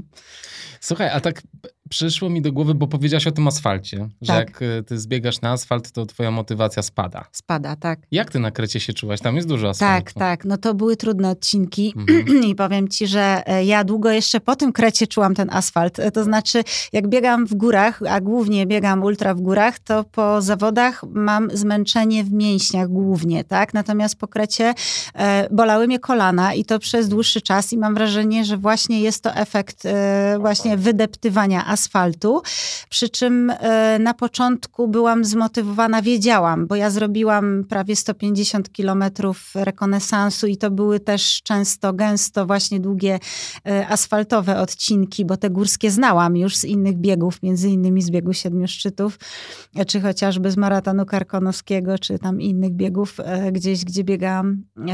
Znałam, znałam te odcinki, natomiast tych asfaltowych nie znałam, więc sobie tam zrobiłam je, więc spodziewałam się, co co mnie może czekać. O tyle, o ile początek był no, taki przewidywalny, o tyle końcówka no, już była trudna. Przy czym e, końcówka była, można powiedzieć, już na takim zmęczeniu mm, na ukończenie. Człowiekowi bardzo w tym momencie zależy, że jak już pokonał tyle kilometrów, żeby mimo tego całego bólu e, e, w ciele i zmęczenia jednak na tym asfalcie jeszcze ciągnąć. No poza tym e, na kres... Przepraszam, zmieniałaś buty na asfalt, czy leciałaś w jednych butach? Wiesz wszystko? co, ja mam taką taktykę w ogóle, no. że biegam w butach uniwersalnych na tyle, na ile one mogą być, czyli staram się w ogóle nawet na biegi górskie, bo ja mm, mam taki typ stopy, że one bardzo mocno terenowych butów moje stopy nie lubią. Ja nawet w górach biegam w asfaltówkach, więc albo butach takich, no, delikatny teren, powiedzmy, na teren crossowy, więc e, miałam wiele razy e, zmiany butów, ale zawsze były to takie buty, że można było i tu, i tu biec. Natomiast miałam taki moment, jak zbiegłam ze śnieżnika i e, miałam już tam totalny kryzys, głównie, e, znaczy z kilkoma rzeczami związany. Po pierwsze to, że to już była moja trzecia noc i pierwszy raz to była moja trzecia noc na trasie. Po drugie, że na śnieżniku były fatalne warunki, tam wiał wiatr, e, wszędzie było biało, i wszędzie były wydeptane ślady stóp. Ja widziałam strzałkę na zegarku, że prosto, ale było wszędzie dookoła e, tak samo, taki sam krajobraz. Ja nie wiedziałam, gdzie prosto, gdzie ja zejdę, gdzie ja zbiegnę, a, a śnieg był taki też roztapiający się, że momentami można było schodząc ze szlaków wpaść gdzieś powiedzmy po biodro. E, więc no ja tam troszkę pobłądziłam na tym śnieżniku, pokręciłam się w kółko. Zanim dotarłam do przełęczy na dole, gdzie tam właśnie czekał na mnie Przemek, to minęło naprawdę dużo czasu. Ja już do niego dzwoniłam, w ogóle nie miałam zasięgu. Później dzwoniłam. Mówię, już powinnam z straka i e, z mapy czymi mówi, że już powinnam być w tym miejscu. Mówię, e, mówię weź zatrąb samochodem albo krzyknij. Mi to robię, ja nic nie słyszę, już prawie panika. Już myślałam, że na Czechy zbiegłam w ogóle ogóle, wiesz, na drugą stronę, nie? Ale w końcu udało się dobiec. I tam miałam, pamiętam, kompletnie przemoczone buty. I e, Przemek mówi, na co zmieniamy? Ja mówię, ale coś jest suche? Nie, nic.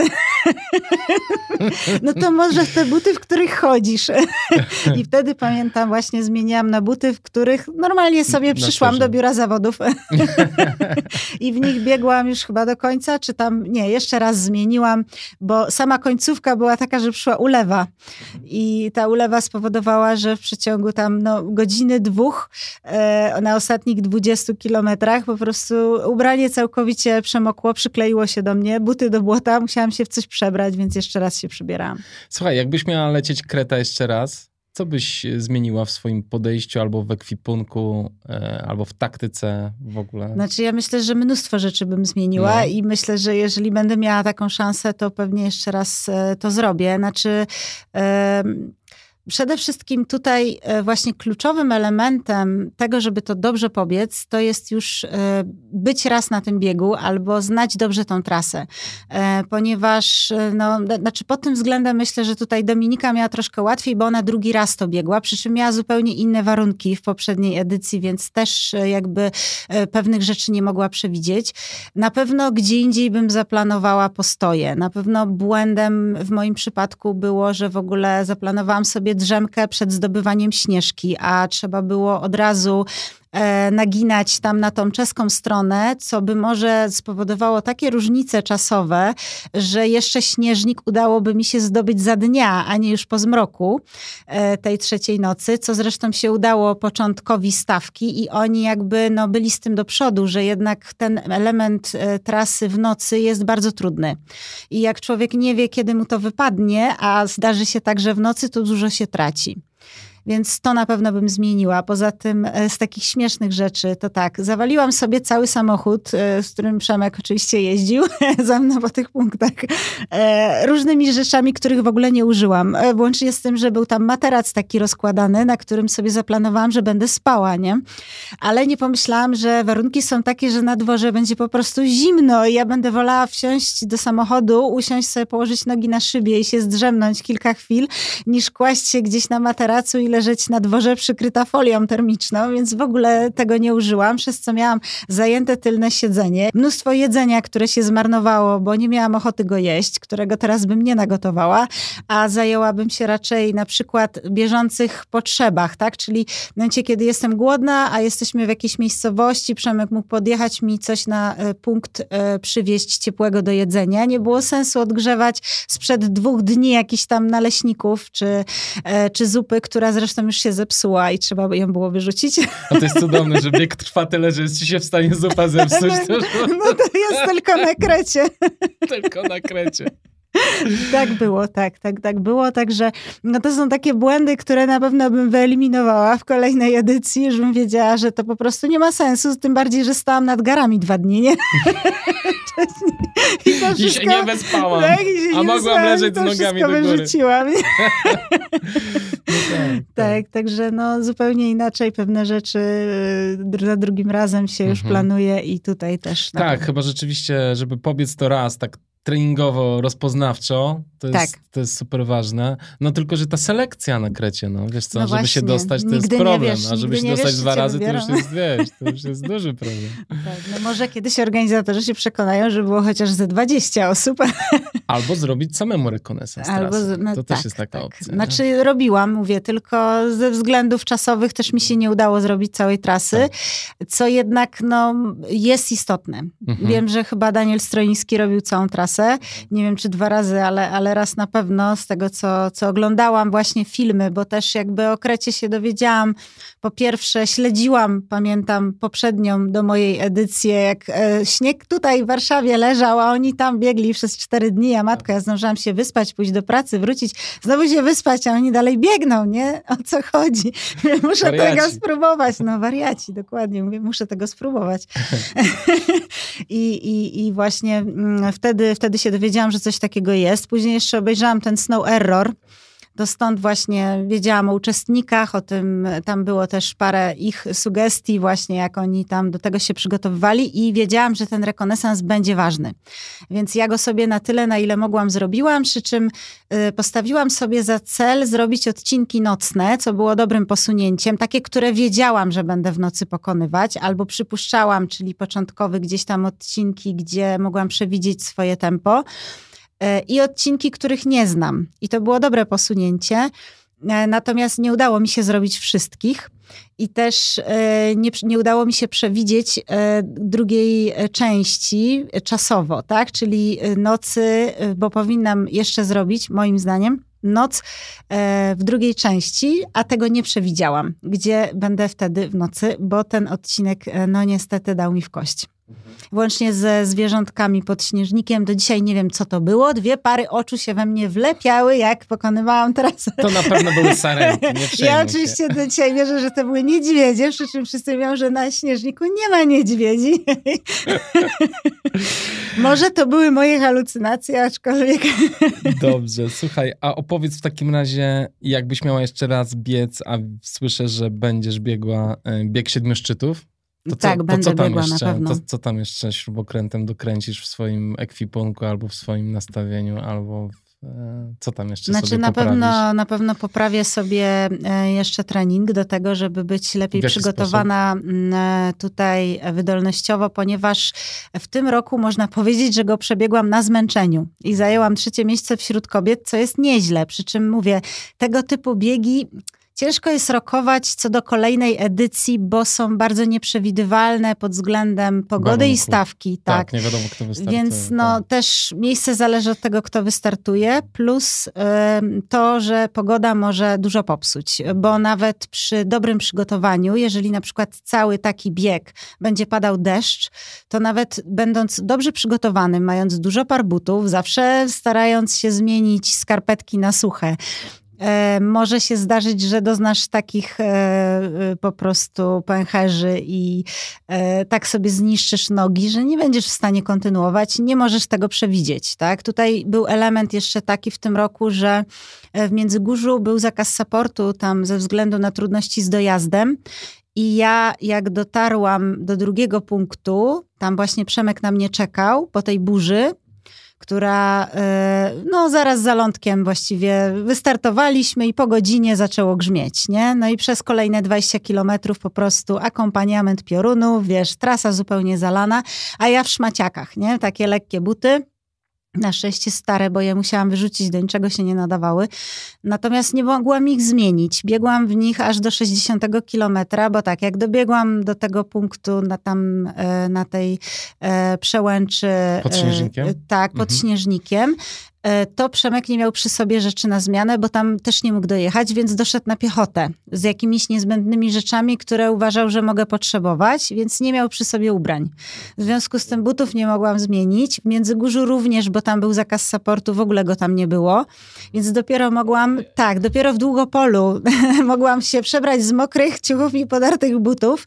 I dużo straciłam, bo do e, przełęczy pod Śnieżnikiem tam było, dobiegłam, to, to była mniej więcej właśnie druga, trzecia pozycja, a potem w Długopolu byłam już szósta i później resztę biegu odrabiałam z tego szóstego, także ostatecznie skończyłam na trzecim miejscu, ale nie było to łatwe też, tak, bo no wiadomo, zmęczenie no, może lepiej toleruję niż niektórzy, ale też mnie dotyka, e, więc no, e, jest trudniej walczyć na końcówce i wyprzedzać i nadganiać, niż gdzieś tam na początku wypracować sobie pozycję i się jej trzymać.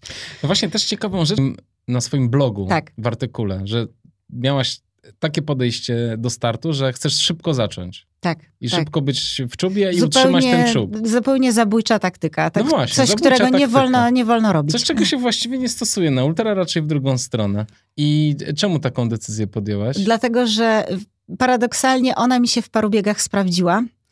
I e, wiem, że o tyle, o ile ogólnie jest to ryzykowne bardzo, może się udać, jeżeli jesteś w stanie wytrzymać tempo, które sobie gdzieś tam narzucisz na początku i e, wypracowując pewną pozycję, jeżeli masz motywację, żeby ją trzymać. Nie każdemu to się udaje, tak? E, Myślę, No ale to jest ryzykowne. A zobacz, a potem z drugiej, z drugiej strony, No, patrząc na tak. historię, z tego szóstego miejsca spokojnie, znaczy spokojnie jak spokojnie, ale ukończyłaś na trzecim. Tak, znaczy ja wiedziałam, że będą dziewczyny odpadać, tylko nie wiedziałam Mhm. kto i kiedy. No tak. Więc uznałam, że jeżeli wypracuję sobie pozycję wysoko, to e, będzie mi łatwiej z tego, e, można powiedzieć, z góry, patrząc na innych, kontrolować sytuację, niż próbując nadganiać, nie wiedząc, jak ja się będę czuła zmęczona na końcu. I mając e, w pamięci też swój pierwszy start w tym biegu, pamiętałam, że no, nadgoniłam sporo w drugiej części, ale zajęłam ostatecznie piąte miejsce. A gdybym zaczęła troszkę szybciej, mniej czasu poświęcała na siedzenie na punktach, co robią bardzo często osoby, e, które debiutują na takim długim dystansie, one bardzo dużo błędów popełniają siedząc na punktach, nie wiem, em, jedząc, śpiąc, e, zmieniając buty, e, myjąc stopy i tak dalej. To są ważne rzeczy. Rzeczy. To są rzeczy, które czasem decydują o ukończeniu, ale trzeba znać siebie na tyle, żeby wiedzieć, co jest całkowicie niezbędne, a z czego mogę zrezygnować. Bo jeżeli walczę o wynik, to nie mogę siedzieć z nogami w misce, tak? Niestety. No tak, y, ale ty, a ty śpisz na siedmiu szczytach? E, spałam 15 minut. W momencie, w Gdzie? którym um, to było, wiesz co, już nie pamiętam, to było jeszcze przed Bardem chyba wcześniejszy punkt. Nie, nie Wilcza Przełęcz, jeszcze poprzedni. Okay. E, to było chyba gdzieś w Nowej Rudzie. A. E, tam, dlatego, A tam ścinawka za ścinawką? Za ścinawką mhm. w tym punkcie, dlatego że to był taki moment, kiedy po prostu skończył się bieg e, Ultra Trail 130, skończyli się ludzie, można powiedzieć. I nagle biegacze siedmiu szczytów zostają sami. I mnie też przy okazji wtedy została noc. I ja tą całą noc praktycznie przebiegłam sama.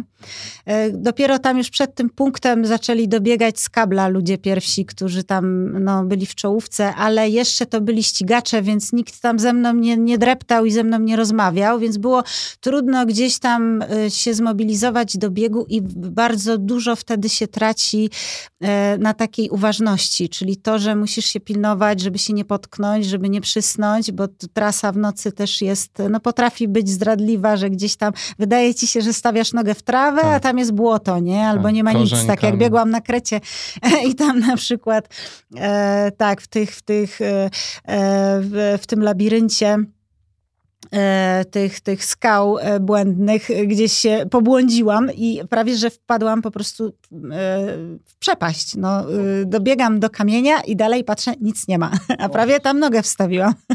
Więc no, biegnąc w nocy właśnie takie, takie problemy się pojawiają i to kosztuje dużo uważności takiej, że trzeba patrzeć pod nogi E, co z kolei męczy oczy i ogólnie tak e, usypia. W związku z tym, jak dobiegłam, zjadłam coś ciepłego, to zaraz mi się spać zechciało, więc mówię, e, już wiedziałam, że to jest ważne. Mówię do Przemka, obudź mnie za 15 minut i po 15 minutach pobiegłam dalej i już więcej nie spałam. Tak, więcej nie spałam.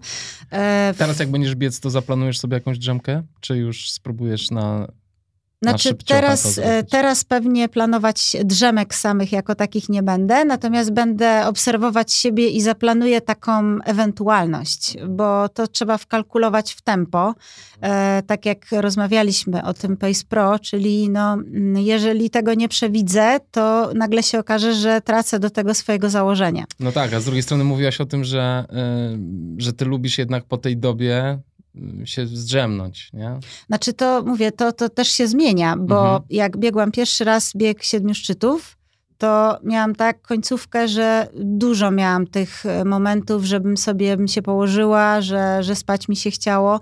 Natomiast jak biegłam w tym roku, to właściwie był jeden taki moment, więc to też z doświadczeniem się zmienia. I człowiek jest w stanie nagle, jeszcze przed chwilą nie wyobrażał sobie drugiej doby, a już teraz biegnie trzecią, czwartą. znaczy e, trzecia, czwarta noc, to powiem tak, to to już jest jakiś wyższy poziom abstrakcji, że, że człowiek po prostu naprawdę trzeba być bardzo mocno zmotywowanym na celu, żeby y, całą taką noc przebiec bez zasypiania, bo już jest zmęczenie tak duże, że wystarczy jakiś trudniejszy moment i później człowiekowi się, człowiek się trochę bardziej rozgrzeje i zaraz się spać chce. Albo chociażby usiąść na chwilę i coś zjeść, robi ci się ciepło i już przysypiasz, nie?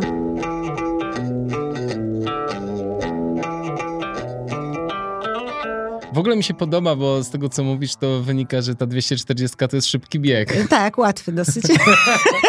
Super. W porównaniu z kretem. Jak biegniesz po krecie, to no się tak, wydaje to szybki, łatwy. Tak. Słuchaj, a propos, a propos 240 UTM, będziesz e, podchodzić? Tam Ultra jest, Trail Małopolska? Ultra Trail Małopolska, wiesz, tak. no tam jest jednak dużo Chciałam, chciałam to zrobić mhm. i tylko jakoś, nie wiem, terminowo mi było nie po drodze, bo w zeszłym roku się do tego przymierzałam, ale potem wyszedł kret i e, czasowo było tak, że nie zdążyłabym się zregenerować, więc odpuściłam ale myślę, że na pewno będę chciała to zrobić. E, przy czym, e, przy czym e, będę chciała już wtedy, żeby to właśnie był jako takie dłuższe, jako starty docelowe. Mhm. Bo jeżeli jest to jako start pośredni, to jest bardzo ciężko zrobić tutaj dobry wynik, a też z racji, że tego wcześniej nie biegłam, to ciężko jest oszacować e, swoje możliwości. Dlatego lubię e, bieg siedmiu szczytów, bo już go biegłam. No tak.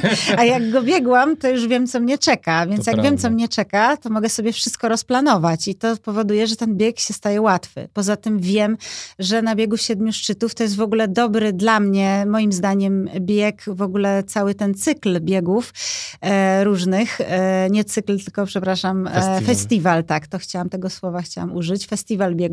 Dobry na debiut dla Ultrasa, bo tam jest bardzo fajne rozplanowanie punktów odżywczych. Mm jak się rozłoży mapę i się zobaczy, ile jest punktów odżywczych na biegu siedmiu szczytów, można go spokojnie biec bez supportu. Zupełnie. A, oczywiście. Bo wystarczy, że sobie gdzieś tam przepaki zaplanujesz, mhm. E, jeżeli chodzi o zmianę ubrań, e, i jedzenie naprawdę no, co 10, co 15 kilometrów masz punkt. Może są dwa punkty co 20 i to wszystko. No tak, ale nie wyobrażasz sobie ścigania bez supportu. Tak, nie wyobrażam mhm. sobie, natomiast e, e, cały czas się rozwijam. Oczywiście. Więc e, być może kiedyś sobie postawię taki challenge. Przemek będzie chciał odpocząć. Wygrać bez supportu. tak, wygrać bez supportu. No dobra, Patrycja, ale zobacz. Z jednej strony mówisz, jaki ten bieg siedmiu szczytów jest łatwy. Z, z drugiej strony mówisz, że ty lubisz swoje granice przekraczać. Tak. No więc ten bieg siedmiu szczytów to już zaczyna być taki lekki komforcik i tylko się po prostu ścigasz bo są dwa rodzaje przekraczania granic. Okej. Okay. I teraz jeden rodzaj to jest właśnie taki, jak rozmawialiśmy o tym e, takim przekraczaniu, gdzie po prostu chcę sprawdzić na przykład, jak w Krecie, jak daleko mogę pobiec i czy ukończę taki bieg na 400 kilometrów, czy się zmieszczę w limicie. To jest, można powiedzieć, challenge dla samego siebie. I większość ludzi, myślę, z tym najczęściej w ultra e, się spotyka i, i z tym im się ultra kojarzy. Natomiast jako, że jestem ambitna, to mam też ten challenge sportowy. A challenge sportowy, niestety, w sporcie jest tak, że wszystko musi być uporządkowane, jeżeli chcesz zrobić wynik. W wynikach zawsze Przemek mi to, mój trener powtarza, że nic ci się nie udało mi się, nic ci się nie udało. I, I tu jest dużo prawdy, tak? Żeby zrobić wynik, ci najlepsi, oni naprawdę wszystko skrupulatnie sobie przygotowują i planują. Im lepiej znasz trasę, im lepiej znasz samego siebie, na przykład na dystansie czy, czy na danej trasie, tym łatwiej ci jest przewidzieć to, co cię może czekać i w ten sposób łatwiej przekraczać granice, na przykład czasowe. Czyli w tym momencie challenge dla mnie w biegu siedmiu szczytów, bardzo trudny, to by było złamać 45 godzin, bo w tym roku zrobiłam 45, znaczy w 2022. 45, 2, zaraz, 45, 34. O. Czyli złamać 45,5 godziny to jest dla mnie duży challenge, e, taki e, no, związany już z rywalizacją sportową i to już jest nie byle jakie tempo. Ty sobie wyobrażasz, że ci faceci biegają po 28 godzin ten bieg? Po 28, Taki no ale to ich tam... jest kilku. Kurczę, ale powiem ci właśnie, że jak ja sobie też czasem myślę o tym biegu, e, żeby go pobiec i tak sobie myślę o czasie i że tak warto by na nim złamać te 40 godzin, skoro zwycięzca ma 28. No to widzisz, da się. To, to Kurczę, pokazuje, ale, że się da. Ale, ale jaka to jest, jakby wiesz, gdzie, gdzie się... No tak, to pokazuje, że się da, to prawda. Ale zobacz, ale ty biegasz w 45. Tak. No i, i kurczę i to nie jest dla ciebie takie łatwe. I dlaczego ma być dla mnie? Jeszcze jestem 10 lat starszy od ciebie. Wiesz o co chodzi? Tak, znaczy... Jakby... Kurczę, jest... te, ciekaw jestem, co jest w tym biegu takiego, że, e, że on jest po prostu jednak pomimo wszystko trudny. No? no bo to jest tak, jak coś chcesz zrobić, to szukasz sposobów. jak nie chcesz, to powodu. Twoim sposobem jest po prostu bieganie tego biegu co roku. nie, znaczy, bo nie biegam go co roku, dopiero drugi no tak, raz go tak, biegłam, tak? tak? Natomiast... właśnie to dobrze, że to powiedziałeś, mhm. tak? Że są osoby, które robią dużo lepsze czasy. Mnie to motywuje. Mhm. Mnie to mobilizuje, bo e, znaczy ja bardziej operuję czasami wśród kobiet, jako że no, to jest też osobna liga. E, przy czym e, no wiem, że do zeszłorocznej zwyciężczyni tak, straciłam sporo, bo ona miała tam 40 czy 41 godzin, a rekordy trasy kobiet są w okolicach chyba 36, coś mhm. takiego. I Więc kto, kto, ma teraz rekord? Trasy? Wydaje mi się, że Angelika Szczepaniak wciąż a, ma rekord, wciąż. tak? Mhm. Natomiast e, no, to jest, wydaje się, kosmos. Porównać to jest prawie 10 e, godzin różnicy, więc to jest bardzo dużo, ale to też pokazuje, ona, ona jest, też jest kobietą, jest praktycznie w moim wieku, tak? Więc generalnie rzecz biorąc, y, gdzieś y, te granice moje są, ale uważam, że skoro mam od rekordu trasy tak dużą różnicę moje, mojego wyniku, to jeszcze sporo mogę, przygotowując się, z tego urwać. I w dodatku, jak porównasz czasy na przykład na krótkich, szybkich dystansach Angeliki i twoje, to tam nie ma y, różnic. No tak. W sensie znaczy, maraton płaski, podejrzewam, biegacie w podobnym czasie. no może ona trochę szybciej, tak myślę, ale Mhm. ja tych na, też należy powiedzieć tutaj, ile biegałeś, załóżmy, płaskich maratonów, tak? Bo ja, jeżeli chodzi o te krótsze biegi, powiedzmy maratony, to biegałam ich znacznie więcej niż ultra, więc można powiedzieć, że ja w to ultra, mimo że jestem tak doświadczona, to ja dopiero wchodzę, bo ja mam raptem powiedzmy 8 czy 10 setek i, i na palcach jednej ręki mogę policzyć biegi powyżej 200 kilometrów. Właściwie są trzy takie, bo są dwa na 240 i kret oraz e, przebiegłam dwukrotnie 180 ultrakotlinę, tak? Więc to są takie, z takich bardzo długich biegów, to to jest tyle. Więc ja wciąż w to wchodzę, rozwijam się, więc zakładam, że skoro mam kilka takich biegów, to wciąż mam duże pole do e, popisu i jeszcze mogę dużo wypracować. Wspaniale, podoba mi się to.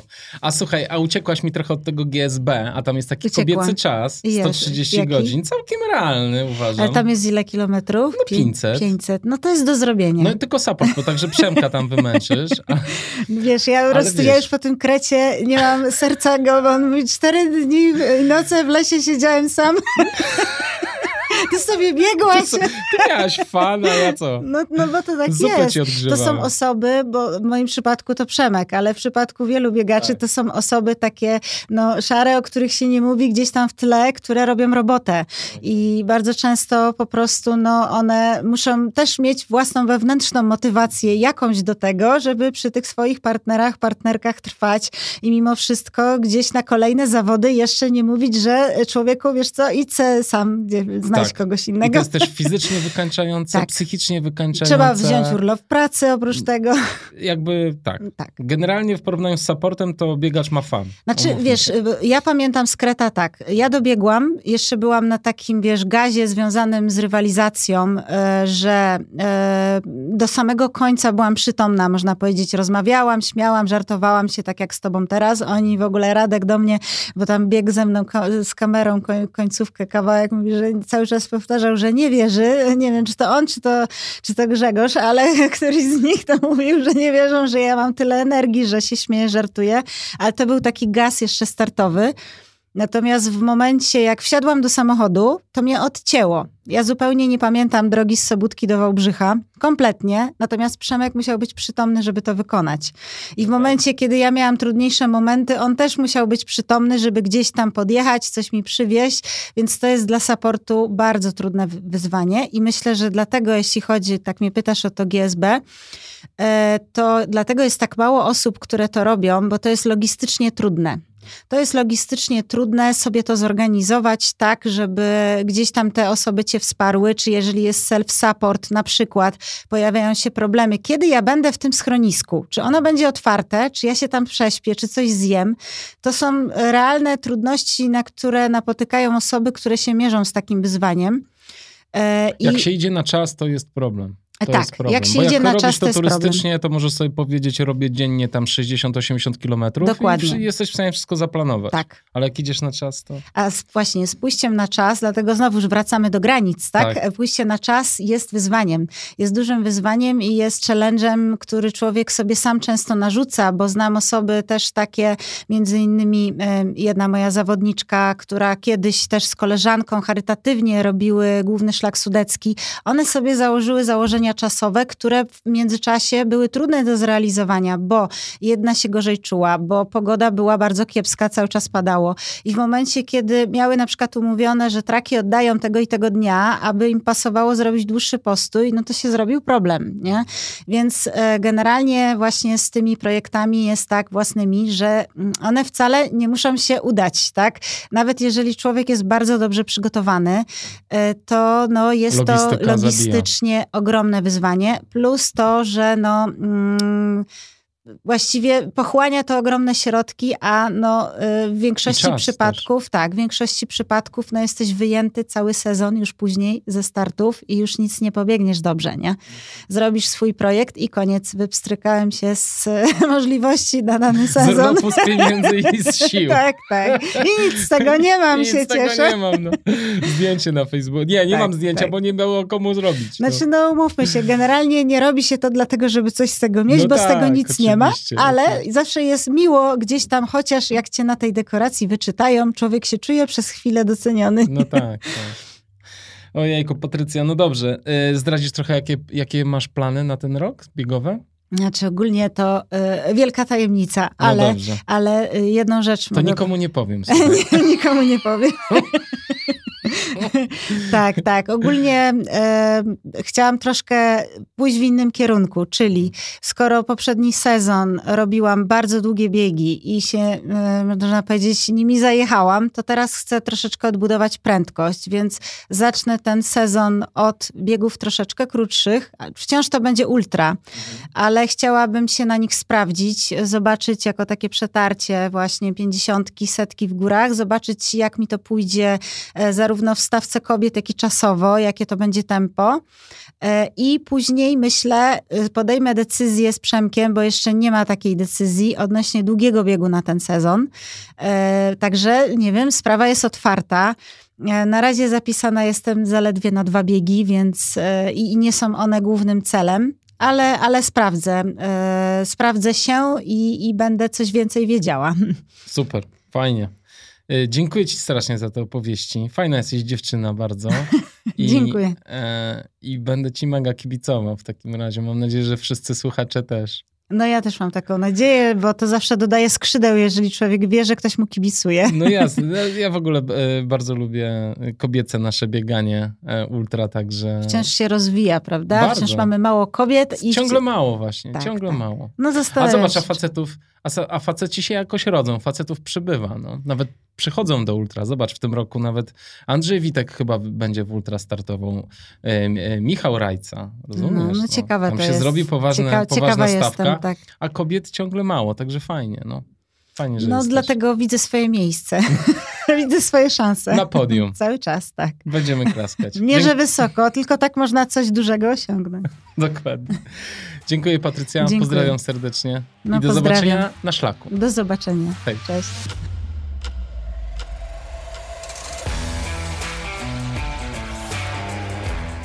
I jak wam się podobało to, co mówiła Patrycja? Mnie fascynuje, że można znaleźć swoje miejsce na rywalizację, nawet gdy nie jest się najszybszym. Można się skupić na swoich mocnych stronach i tak dobierać biegi oraz tak nastawiać swoją głowę, aby przy sprzyjających okolicznościach zajmować wysokie miejsca na podium. Serio mnie to fascynuje i chciałbym mieć takie podejście, bo chyba łatwiej by się żyło i lżej biegało. A wy jak macie?